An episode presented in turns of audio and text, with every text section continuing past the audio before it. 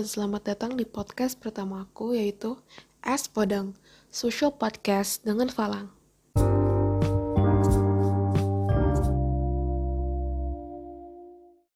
Gak kerasa ya udah masuk bulan ketujuh karantina. Udah walaupun banyak banget pasti bosan di rumah, tapi pasti kita nemuin banyak keseruan di internet, apalagi di media sosial. Sering banget muncul konflik-konflik yang seru untuk dibaca. Dan yang paling banyak sih, pasangan yang putus di masa karantina ini. Duh, sedih banget deh.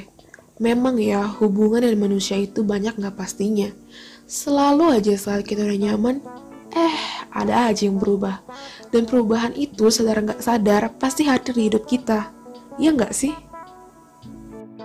Ngomongin tentang perubahan nih ya, kalian tahu nggak sih kebanyakan perubahan yang kita rasakan atau terjadi di sekitar kita adalah bagian dari perubahan sosial. Perubahan sosial menurut Kingsley Davis adalah perubahan yang terjadi dalam struktur dan fungsi masyarakat. Sementara kalau menurut Gilin Gilin, perubahan sosial itu variasi cara hidup yang telah diterima dalam masyarakat karena ada perubahan kondisi geografis kayak misalnya terjadi musibah alam seperti gempa bumi, gunung meletus, juga karena adanya penemuan-penemuan baru. Tapi kalian pernah kepikir nggak sih kenapa perubahan bisa terjadi? Perubahan dipengaruhi oleh rasa ketidakpuasan manusia terhadap situasi yang ada, kesadaran akan adanya kekurangan dalam budaya sendiri, keinginan untuk menjadi lebih baik, dan adanya usaha untuk menyesuaikan diri sendiri. Selain itu, perubahan juga didorong kontak dengan budaya lain, sehingga perubahannya itu disebut difusi dan dapat menghasilkan akulturasi, asimilasi, dan sintesis. Perubahan juga didorong oleh sistem pendidikan yang maju, yang memperkenalkan murid dengan keanekaragaman kemampuan, dan belajar berpikir ilmiah juga objektif. Yang ketiga, didorong karena adanya toleransi menerima perbuatan yang dianggap berbeda. Yang keempat, didorong oleh sistem lapisan masyarakat yang terbuka.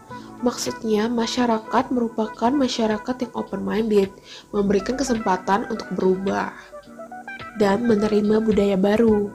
Yang kelima adalah penduduk yang heterogen, artinya penduduk yang luas atau berbeda-beda, sehingga mempermudah terjadinya perbedaan dan konflik.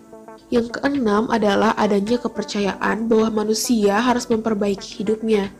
Bener banget sih, pasti setiap manusia itu selalu berkembang, optimis untuk berubah menjadi yang lebih baik. Tapi nih, selain faktor pendorong, perubahan juga dapat dicegah atau dihambat. Karena kurangnya hubungan dengan masyarakat lain, perkembangan ilmu pengetahuan yang terlambat, sikap masyarakat yang masih lekat dengan tradisi dan konservatif. Rasa takut akan terjadinya kegoyahan pada integrasi kebudayaan, sikap yang tertutup, curiga, dan khawatir pada hal yang baru atau asing. Juga hambatan ideologi seperti sesuatu yang berlawanan dengan ideologi masyarakat yang ada atau kebiasaan tertentu yang susah untuk dirubah. Ini nih, makanya ada beberapa orang yang bisa menerima perubahan dengan baik, dan ada juga orang yang menolak perubahan. Karena, seperti faktor yang sudah tadi disebutin, ya personality orang-orang berbeda-beda, dan pasti latar belakang mereka juga berbeda-beda. Ada yang konservatif terhadap perubahan, curiga dan khawatir dengan apa yang perubahan itu bawa, atau mungkin mereka juga sudah nyaman atau puas dengan kondisi yang ada di hidup mereka atau di masyarakatnya, sehingga mereka tidak mau terjadi suatu perubahan.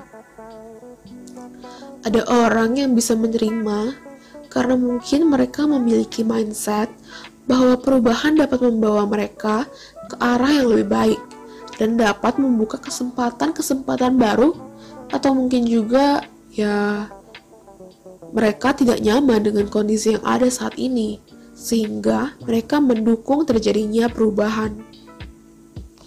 Perubahan yang terjadi juga berbeda-beda dan dapat dibedakan dari waktunya, seperti perubahan cepat atau yang disebut revolusi. Cepat itu bukan berarti hanya semenit tiga menit krem instan ya, tapi bisa sampai satu bulan atau satu tahun. Contohnya seperti revolusi industri. Kalau yang lama itu namanya evolusi, dan biasanya diikuti oleh perubahan-perubahan kecil, misalnya perubahan zaman dari zaman praaksara hingga sekarang.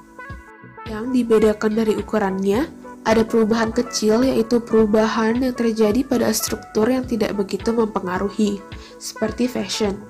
Lalu ada perubahan besar yang sangat berpengaruh seperti sistem kerja, stratifikasi masyarakat, dan lain-lain. Ada juga perubahan yang direncanakan, seperti perintah atau larangan agar masyarakat berubah. Contohnya, program keluarga berencana.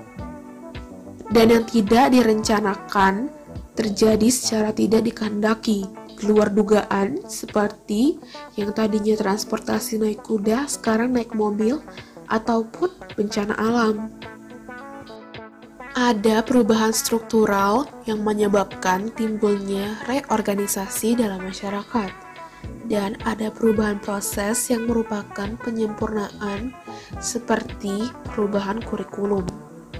Perubahan yang dihadapi masyarakat Indonesia adalah westernisasi atau pengaruh kebudayaan Barat, yang tentunya berpengaruh terhadap perubahan gaya hidup, gaya bersosialisasi, perubahan ke arah pemerintahan, pendidikan, dan juga politik, bahkan perubahan terhadap kepercayaan.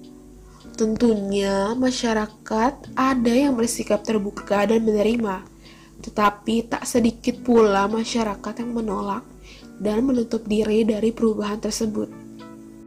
Padahal, dampak yang dibawa perubahan bukan hanya dampak buruk, seperti kesenjangan sosial yang akan membawa kriminalitas, tetapi juga dampak baik yaitu dengan adanya perkembangan teknologi, aktivitas manusia dipermudah dan tidak memakan waktu yang lama.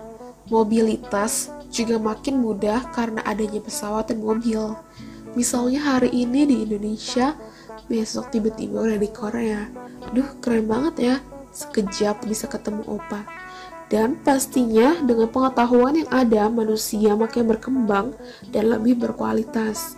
Pemikiran manusia bertambah luas dan lebih kritis juga pastinya. Tapi kita harus punya prinsip yang kuat, sehingga kita tidak mudah terbawa arus perubahan sepenuhnya. Walaupun bersikap terbuka dan menyambut perubahan, kita perlu tahu nih mana yang baik dan yang benar. Karena seperti yang kita ketahui kan perubahan ada dampak baik juga ada dampak buruknya.